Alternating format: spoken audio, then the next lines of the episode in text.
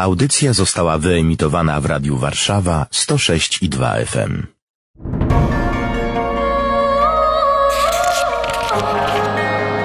Księga. Księga. Księga. Niedzielne czytania biblijne rozważają ksiądz Łukasz Turek i Paweł Kęska. Niech będzie pochwalony Jezus Chrystus. Na wieki wieków amen. Przed tygodniem mówiliśmy o tym, że czas na zmianę. Czas jest teraz. Nie tylko dlatego, że Wielki Post, ale w ogóle zawsze trzeba być gotowym do ruszenia w drogę. Skoro już w tą drogę ruszamy, to napotykamy też na kryzysy. Dziś będzie o drodze i o kryzysach. Czy to coś złego? Kryzys? To jest część naszego życia.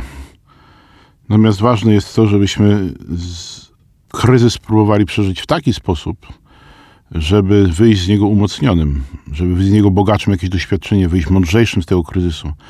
A w taki sposób kryzys może nam pomóc przeżyć przede wszystkim właśnie Pan Bóg. Zaczynamy od czytania z Księgi Wyjścia, rozdział 17, wers od 3 do 7.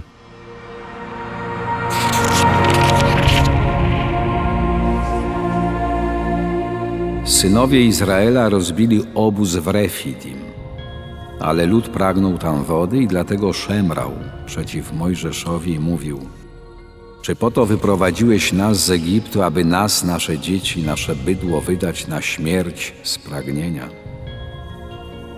Mojżesz wołał wtedy do Pana i mówił, co mam uczynić z tym ludem? Niewiele brakuje, a ukamienują mnie.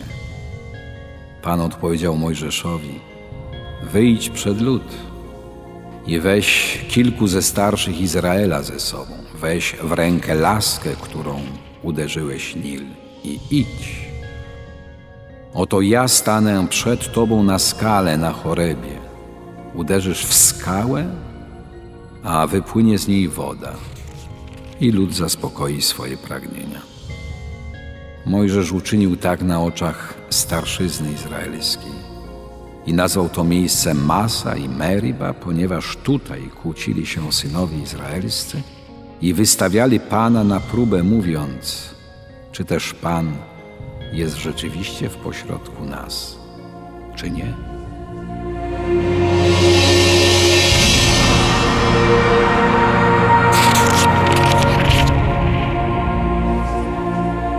Nie raz, nie dwa i nie pięć. Pewnie zastanawiamy się, no jest ten Bóg na świecie czy nie? Jest wojna, jest Bóg na świecie czy nie? Mój ktoś bliski choruje na przykład na raka, na ciężką chorobę. No jest ten Bóg na świecie czy nie? Massa i Meriba, nasze życie. Tak jest, pokusa i kłótnia.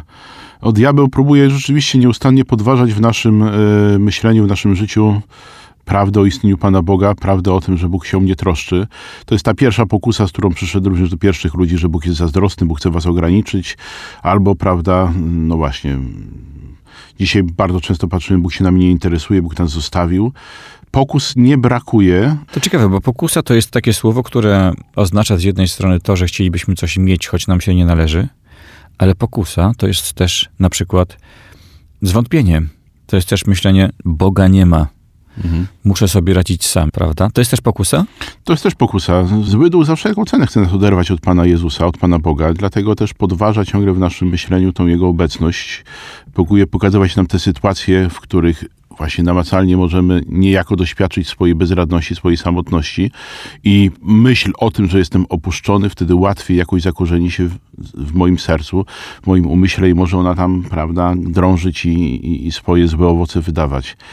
Więc pokusy tego rodzaju są częścią naszego życia po grzechu pierworodnym i w jakimś stopniu też możemy powiedzieć, że one są też jakimś elementem tej naszej drogi do Pana Boga, naszej drogi walki o, o to, by Boga doświadczyć, by Boga spotkać, by Boga dotknąć, by Boga rozpoznać, pomimo tego, że czuje się w różnych okolicznościach zupełnie sam. Ale skoro kilkadziesiąt tysięcy ludzi, nie wiem ile to było, ale tak sobie wyobrażam, na pustyni z całym realizmem tego miejsca, nie ma co pić, to chyba nie jest wina złego ducha, który mówi mi, że Pana Boga nie ma.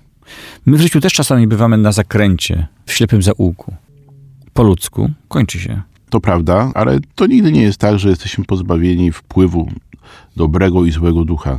Zawsze gdzieś zły duch uderza w te miejsca, w których jesteśmy najsłabsi, w których doświadczamy swojej ludzkiej bezradności, więc, więc ja myślę, że to, to doświadczenie ich w tym momencie, kiedy spotykamy ich na pustyni, jest jakimś, jakąś inspirowane przez złego ducha, dlatego że oni już mieli w swoim wcześniejszym życiu doświadczenie Bożej mocy, Bożej obecności.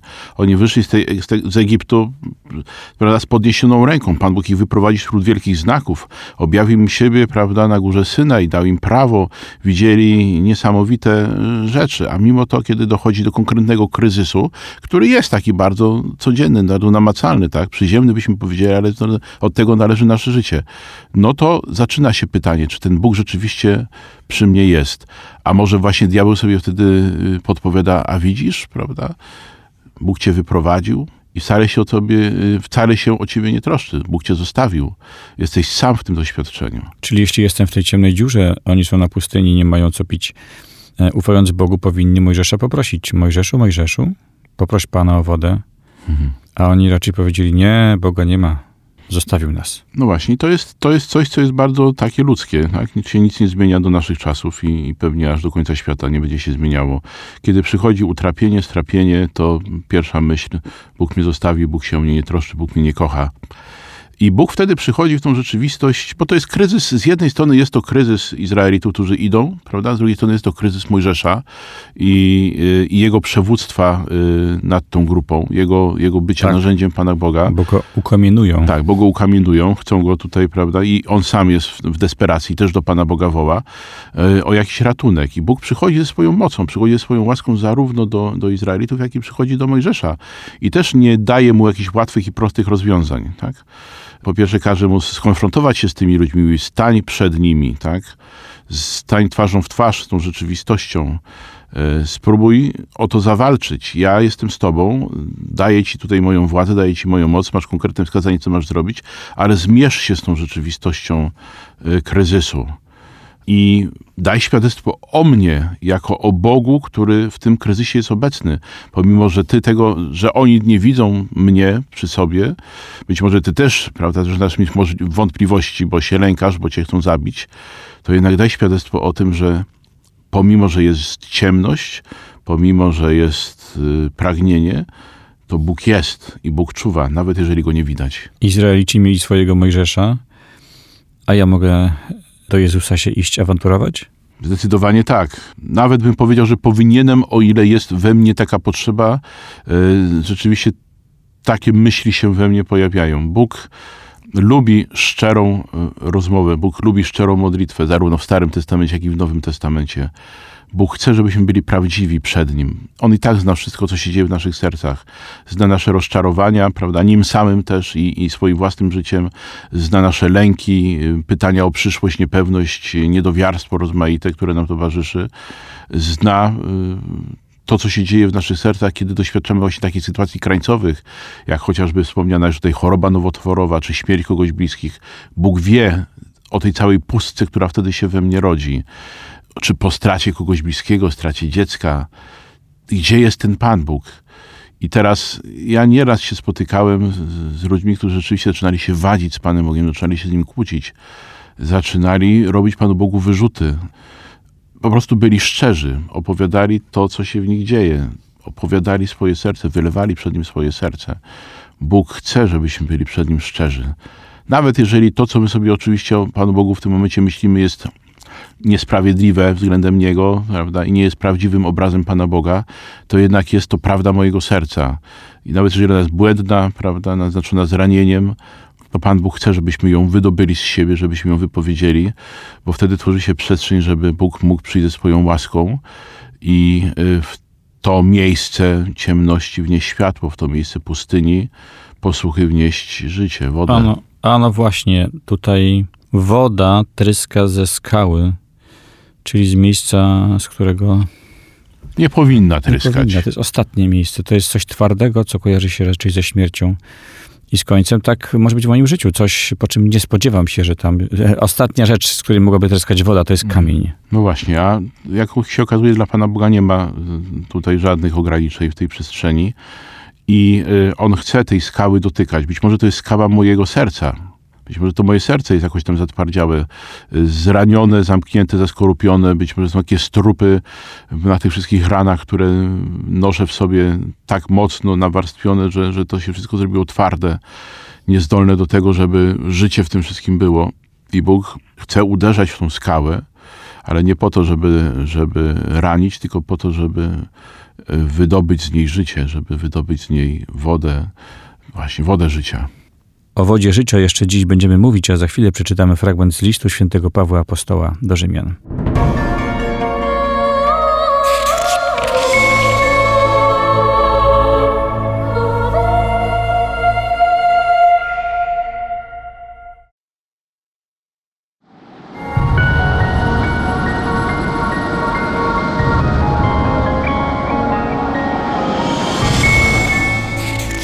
Czytanie z listu świętego Pawła Apostoła do Rzymian, rozdział 5, wersy od pierwszego do drugiego i od piątego do ósmego.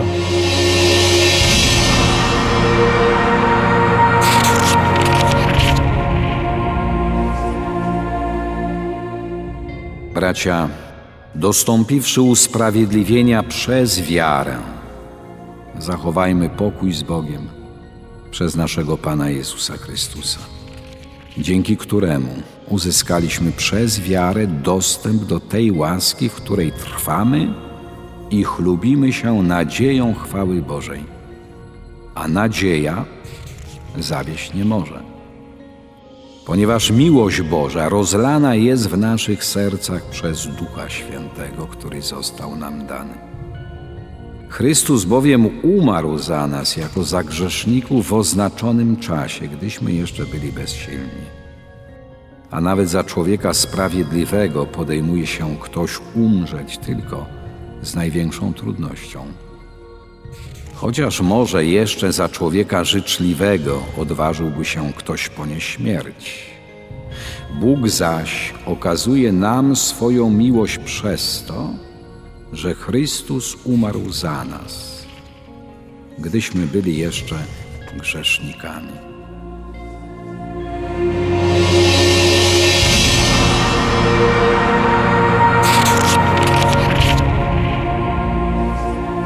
Mówimy dziś o kryzysie, czytając fragmenty Pisma Świętego, a tutaj napisano, że Chrystus bowiem umarł za nas jako za grzeszników w oznaczonym czasie, gdy jeszcze byliśmy bezsilni. Bezsilność jest chyba taką podstawową oznaką kryzysu. Kiedy już naprawdę nie wiem, co robić, to wtedy właśnie woda tryska ze skały bo wtedy, kiedy ja nie wiem, co robić, to tworzy się w moim sercu przestrzeń wołania do Pana Boga, wołania o ratunek. Może to nawet będzie takie wołanie, jak tam Izraelitów na pustyni, którzy chcieliby tego Mojżesza ukamienować, prawda? Taki bunt jakiś przeciwko Bogu, bunt przeciwko Mojżeszowi, bunt przeciwko tej sytuacji wyprowadzenia ich niby z niewoli, niby do wolności, ale jakaś ta wolność jest daleka i, y, i, i, i nienamacalna. I jest kryzys. I rzeczywiście takie wołanie w tej mojej bezsilności jest sposobem dobrym na to, żeby wypowiedzieć się przed Panem Bogiem, by na Niego się otworzyć, by, by zrodziła się przestrzeń dla nadziei. A rzeczywiście sytuacja moja tutaj, no właśnie, to przyjście Jezusa na ten świat, przyjście Jezusa, o którym Paweł pisze, jest to przyjściem do totalnej bezsilności, bezradności człowieka. My po grzechu nie byliśmy w stanie z Bogiem nawiązać żadnej relacji. I w tej sytuacji dzisiaj jest dokładnie tak samo. Ja po moim grzechu nie jestem w stanie nawiązać z Bogiem żadnej relacji. To Bóg jest w stanie mnie skrzesić z grzechu do, do, do życia. Bóg jest mnie w stanie rozplątać z moich więzów, z tych kajdan, które grzech, zło, szatan zawiązane na moim życiu. Y, jest w stanie to wszystko rozerwać, rozciąć i jest w stanie postawić mnie na nogi. Właśnie ta bezsilność moja jest takim miejscem, w którym, które przyzywa Bożego miłosierdzia, które przyzywa Bożej mocy, który przyzywa w sposób szczególny Bożej miłości. Kiedy już dostąpiliśmy usprawiedliwienia, bo tutaj pisze o tym święty Paweł, dzięki wierze, zachowajmy pokój z Bogiem przez Pana naszego Jezusa Chrystusa. To nie wystarczy iść po pomoc, ale dobrze jest trwać w tej relacji. Przecież to o to chodzi, prawda? Tak, no jakoś tam pogodzić się z Panem Bogiem. Tak, pójdę do spowiedzi, poczuję się lepiej, a potem sobie znowu dam nura. No Powiedzmy, często się zdarza, y, często się zdarza, ale nie o to chodzi, żebyśmy tak chcieli żyć. Mimo, że się zdarzają nam tego rodzaju rzeczywistości, bardzo szybkich upadków po, po spowiedzi, to jednak y, dążymy do czegoś więcej. Dążymy do tego, żeby żyć z Bogiem, opierając się Jego autorytet, uznając Jego zwierzchność, uznając to, że On wie lepiej, uznając to, że On sobie radzi, że On pomimo całej mojej nędzy, całej mojej słabości, pomimo mojej bezradności, On jest tym, który sobie radzi, który kontrolę ma, którego, który w swoim ręku trzyma całe moje życie. Zachować pokój z Panem Bogiem znaczy być z Nim w zgodzie. To znaczy zgodzić się na to, że Bóg wie, co robi w moim życiu. Nawet jeżeli Pan Bóg dopuszcza w moim życiu takie sytuacje jak upadku, w grzech, nawet także grzech śmiertelny, bo mówimy, że nic się nie dzieje bez Bożej opatrzności, czyli Bóg tego rodzaju rzeczywistość dopuści w moim życiu, to ona też może czemuś służyć i Pan Bóg jest w stanie z tego wyprowadzić jakieś dobro. E, Dla mnie, was, kiedy ja to, ten grzech swój, ten swój upadek, tą swoją nędzę, tą swoją bezradność przeżyję w relacji do Niego, przyjdę z tym do Niego, to zawsze gdzieś wstanę mocniejszy, wstanę bardziej świadomy tego, jak, jak jestem zależny od Jego mocy, od Jego miłości, jak bardzo potrzebuję Jego miłosierdzia, jak bardzo potrzebuję Jego łaski, żebym mógł się rozwijać, żebym mógł wzrastać, żebym mógł tworzyć dobre relacje z ludźmi, żebym mógł dobrze wypełniać swoje zadania w domu rodzinnym, w którym jestem, w małżeństwie, w ojcostwie, macierzyństwie, w pracy, w kapłaństwie, w życiu konsekrowanym. Potrzebuję do tego Jezusa. Zachowanie pokoju z Bogiem jest możliwe właśnie przez naszego Pana Jezusa Chrystusa, a Jezus przychodzi do mnie ze swoją łaską przez sakramenty, więc chodzi o to, żebyśmy w tym stanie łaski uświęcającej trwali, bo w, te, bo w ten sposób właśnie uzdajemy tą zwierzchność Pana Boga i swoją zależność od Niego. A nadzieja zawieść nie może, ponieważ miłość Boża rozlana jest w sercach naszych przez Ducha Świętego, który został nam dany. Tutaj Duch Święty wchodzi na, na arenę. Strumienie wody żywej, jakbyśmy tam w Ewangelii Jana w innym, w innym miejscu to znaleźli, prawda? Strumienie wody żywej, które popłyną z wnętrza człowieka, który otwiera się na to działanie życia. Z wnętrza człowieka popłyną? Tak, ponieważ każdy z nas jest już świątynią Ducha Świętego od Chrztu Świętego. Jesteśmy świątynią Boga. Duch Święty nam już został dany, Jezus został uwielbiony, posłał nam swojego Ducha Świętego i my tego Ducha Świętego mamy od momentu Pięćdziesiątnicy. A szczególny udział w tej tajemnicy Pięćdziesiątnicy mamy przez sakrament chrztu i bierzmowania, więc Duch Święty we mnie jest. I tam w Ewangelii Jana e, Pan Jezus podaje takie cztery warunki e, życia w Duchu Świętym, otrzymania Ducha Świętego. Mówi, jeżeli ktoś jest spragniony, a wierzy we mnie, niech przyjdzie do mnie i pije. I mówi dalej, jak rzekło pismo, strumienie wody żywej popłyną z jego wnętrza. Chodzi o to, żeby, żeby no właśnie to moje serce, które jest kamienne, jest zamknięte, Jezus chce otworzyć swoją mocą, być może tym uderzeniem laski, po to, żeby ten Duch Święty mógł się wylać z mojego serca na całe moje życie i na jego okoliczności, na moje relacje z ludźmi, na moje przeżywanie, prawda, siebie w obowiązkach, w zadaniach i tak dalej, we wszystkim, siebie samego też względem Pana Boga.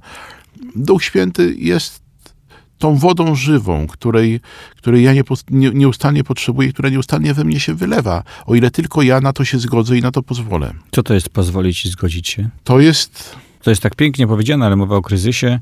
No jestem w tym kryzysie, wołam do Boga, tak? Nawet się trochę awanturuję. Uz, tak, i uznaję, że jestem w kryzysie, tak? Przyznaję się do tego kryzysu. To jest pozwolić Panu Bogu działać. Przyznać się do tego, że jestem bezradny wobec mojego kryzysu, mojej sytuacji, wobec mojej ciemności. Jestem bezradny wobec mojej depresji. Jestem bezradny wobec mojego gniewu. Jestem bezradny wobec mojego lęku.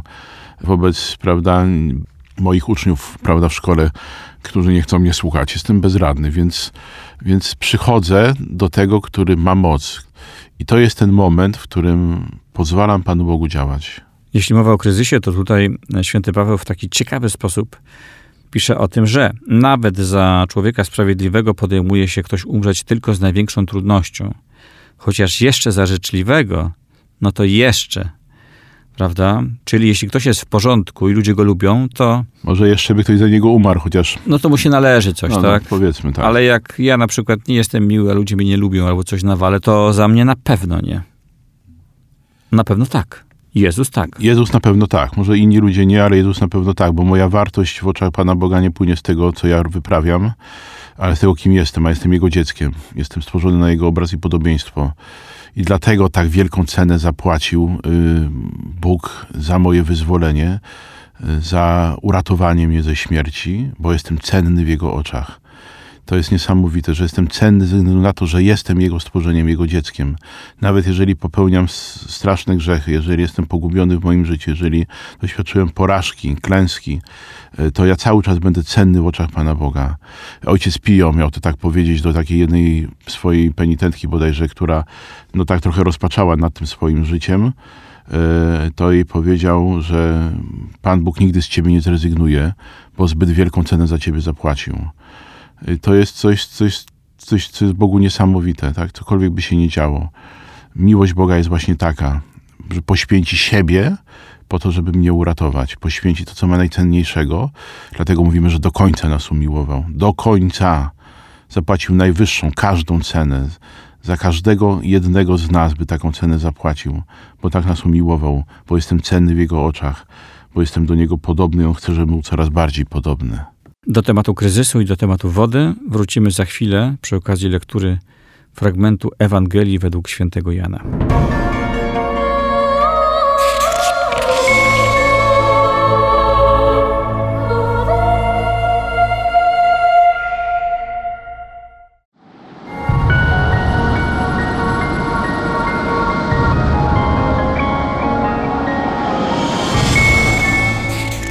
Słowa Ewangelii według świętego Jana, rozdział 4, wersy od 5 do 42.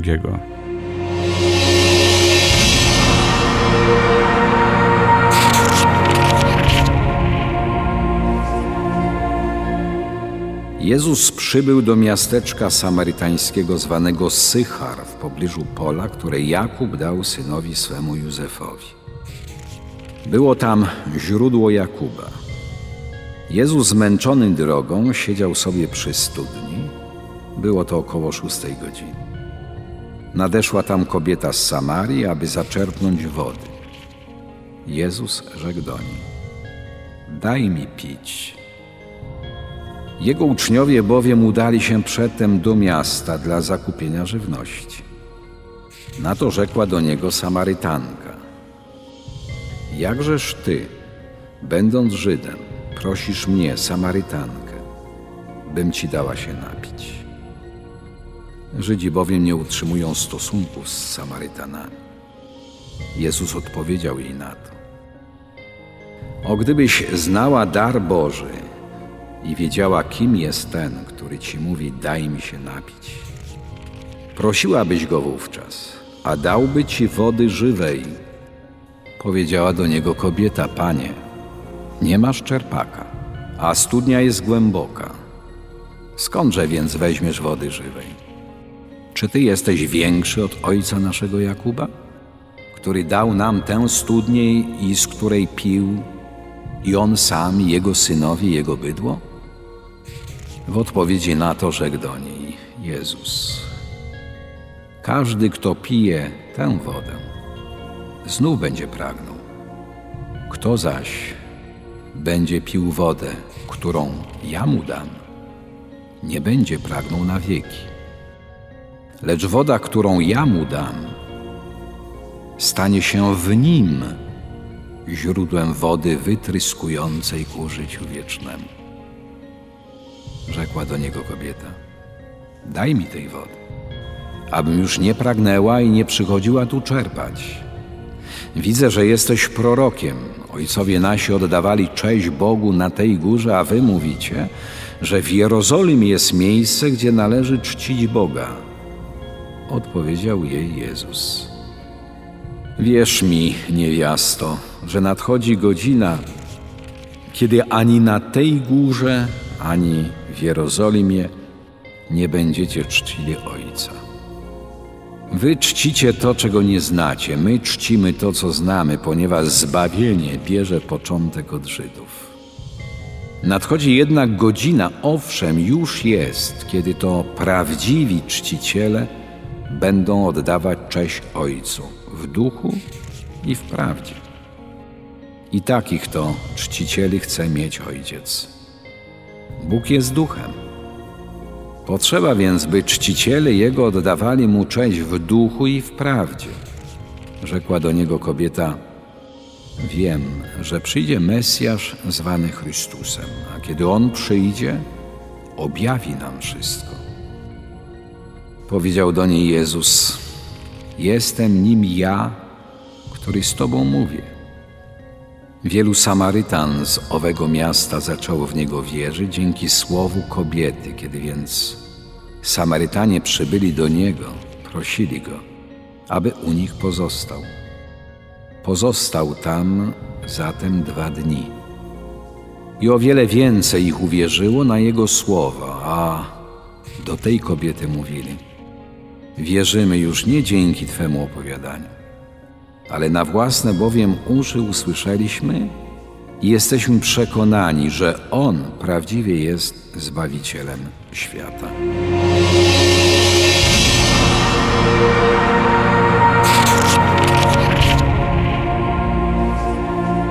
Kobieta przychodzi do studni sama, kiedy jest największy skwar i rozmawia z Jezusem o pragnieniu. On mówi jej o prawdziwej wodzie, a ona mówi: Panie, daj mi tej wody, abym już nie pragnęła i nie przychodziła tu czerpać. Skoro mówimy o kryzysie, dziś ten temat się często pojawia, no to pragnienie i poczucie tego, że nie mam co pić, to chyba jest jeden z ważniejszych objawów takiej sytuacji. Ciągle próbuję i ciągle próbuję i ciągle troszkę i ciągle czerpakiem troszkę. E, źródło wyschło, a ja nie mam gdzie iść. A nawet jeżeli nie wyschło, to nie zaspokaja mojego pragnienia. Myślę, że to pragnienie miłości jest tutaj bardzo ważne, prawda? Bo to o tym dzisiaj, o tym w kontekście tej Ewangelii należy powiedzieć. Pragnienie miłości. Ta kobieta pragnie miłości, ale szuka jej w świecie, szuka jej w drugim człowieku. Yy, szuka tak jak potrafi, trochę po omacku, jest poraniona, jest poodrzucana, jest, yy, jest samotna, jest wytykana palcami wreszcie przez to wszystko, co się w jej życiu wydarzyło w zasadzie być, wstydzi się innych ludzi. Dlatego w tej najgorętszej porze dnia idzie do studni, wtedy kiedy nikt rozsądny tego nie robił. A Jezus ten moment zaplanował dla niej, aby wejść w jej życie ze swoją łaską, ze swoją miłością. I tak naprawdę to pierwszy Jezus mówi do niej: Daj mi się napić. Daj mi się napić. I nie chodziło mu oczywiście o tą wodę ze studni, bo Jezus pragnął jej wiary. Jezus pragnął jej samej. Jezus chciał ją uratować, chciał ją odzyskać, bo to ona jest tym dzieckiem, które jest w kryzysie, dzieckiem Bożym, dzieckiem, które ma wielką wartość, wielką godność w Jego oczach, na której On szuka i na którą On czeka właśnie przy studni, w tym takim zupełnie niekomfortowym momencie i w okolicznościach takich bardzo złych dla niej samej. Daj mi się napić, znaczy pozwól mi się kochać, pozwól mi wypełnić się swoją, moją własną miłością. Dam ci to, czego pragniesz, ale pierw ukaż mi swoje pragnienie. Pragnienie, każde ma jakieś pragnienie, to w ogóle jest sztuka odnaleźć w sobie prawdziwe pragnienie, bo mamy wiele takich, które prowadzą nas donikąd. Pragnienie miłości jest tym prawdziwym, ale też to nie jest takie proste. I może właśnie w tym kontekście Jezus przychodzi do tematu prawdy. Powiedz mi, czy traktujesz to poważnie? Powiedz prawdę. Tak, i ona ten test zdaje, bo to jest też taka sytuacja, w której ona już dochodzi do granic. I kiedy y, dotyka ją słowo wypowiedziane przez Jezusa, to ona się na niego otwiera całkowicie. Staje przed nim, byśmy powiedzieli, jak naga, prawda? W całej swojej nagiej prawdzie. O tych pięciu mężach, o tym kolejnym, którym facecie, z którym teraz żyje, którym też nie jest szczęśliwa. Można powiedzieć, i ma się różnych sposobów. I mówi Jezusowi prawdę i ta prawda, to stanięcie w prawdzie, staje się momentem, w którym ona y, otwiera się na, na życie, które Jezus chce jej dać. Otwiera się na prawdziwą wodę życia, która jest w stanie zaspokoić te wszystkie pragnienia, które jej dotychczasowemu życiu towarzyszyły. Kiedy już ta rozmowa przebiega poważnie i kiedy na stole pojawia się prawda, co w ogóle nie jest proste, jak mamy do czynienia z kryzysem, to chyba to jest pierwsza sprawa, którą należy podjąć, mówić prawdę, to potem kobieta według swoich wyobrażeń przechodzi do tematu religijności. No dobrze, to chodzi ci o to, żebym była bardziej religijna. Ale jak mam to zrobić? Tak jak wy, czy tak jak my? Mhm. Właśnie, to jest coś, co też często naszemu życiu towarzyszy i o to się kłócimy, o jakieś takie szczegóły. Tymczasem nie chodzi o religijność, tylko chodzi o wiarę, że wiara, wiara to jest relacja. To jest relacja miłości, a religijność nasza ma nas do tej relacji prowadzić. Może być tak, że jesteśmy bardzo religijni i wcale nie spotykamy Jezusa, tylko wypełniamy pewnego rodzaju obrzędy i nawet wypełniamy je bardzo gorliwie i, i mamy pewną wizję tych obrzędów religijnych i sposobów, w jaki mamy je przeżywać i jak często mamy to robić. Niektórzy rzadziej, niektórzy częściej, niektórzy niemalże co tydzień, codziennie. Natomiast może być tak, że się w tym moim życiu nic nie zmienia, ponieważ nie zajmuję się istotą, nie zajmuję się Jezusem, tylko moją religijnością. I Jezus też mówi, kobieto, nie o to chodzi. To, to są zupełnie sprawy nieistotne. Otwórz się na mnie. Otwórz się na Ducha Świętego, którego Ci daję. Ja pokazuję Ci nową rzeczywistość, nową drogę. Pokazuję Ci siebie jako tego, który jest w stanie wszystkie Twoje pragnienia zaspokoić. I dzisiaj chcę, żebyś zaprosiła mnie do swojego życia i pozwoliła mi, żebym to Twoje życie zmienił. I rzeczywiście, kiedy ona tą perspektywę przyjmuje, no to staje się momentalnie jego apostołką, byśmy powiedzieli, Tak. ewangelizatorką. Tutaj zdziwienie apostołów jest e, świetnie pokazane. Jak to rozmawia sam z kobietą i to jeszcze z Samarytanką? Tak to było w poprzednim czytaniu. No jeszcze za porządnego człowieka to ktoś był, dał się zabić, ale za nieporządnego to przecież e, za Samarytankę na pewno nie, która miała pięciu mężów i w ogóle robiła dużo głupot i jeszcze jest w ogóle innego wyznania. Tak jest. I oni w ogóle mieli ochotę zadać pytanie, prawda, dlaczego w ogóle z nią gadasz? Tak, czy w ogóle jest coś nie w porządku, upał? No właśnie. No właśnie, więc, więc oni sami są w sytuacji, w której potrzebują zrozumienia tego, o co chodzi w ich relacji z Panem Bogiem. Tak? To, jest, to jest to niesamowite, bo Bóg zawsze szuka człowieka. Y, Czy jesteś księdzem, biskupem, czy jesteś siostrą zakonną, czy jesteś świeckim ojcem, czy jesteś blisko, czy jesteś daleko, Bóg ciebie szuka No właśnie, wychodzi w skwar do studni, kiedy jesteś tylko sam. I chce zaspokoić twoje pragnienie.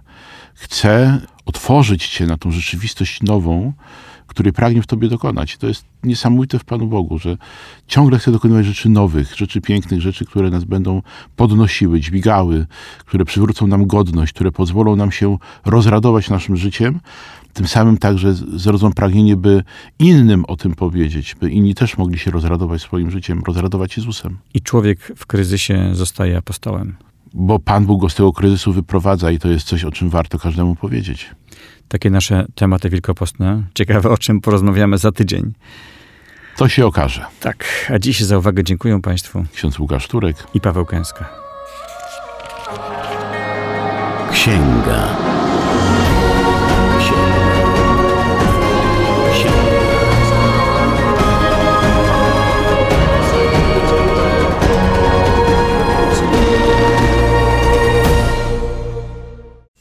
Radio Warszawa nagrywa i udostępnia nieodpłatnie audycje takie jak ta. Dzięki wsparciu finansowemu słuchaczy i przyjaciół. Wejdź na www.radiowarszawa.com.pl i wpłać darowiznę. Wzmocnij nasze dobre fale. Dziękujemy.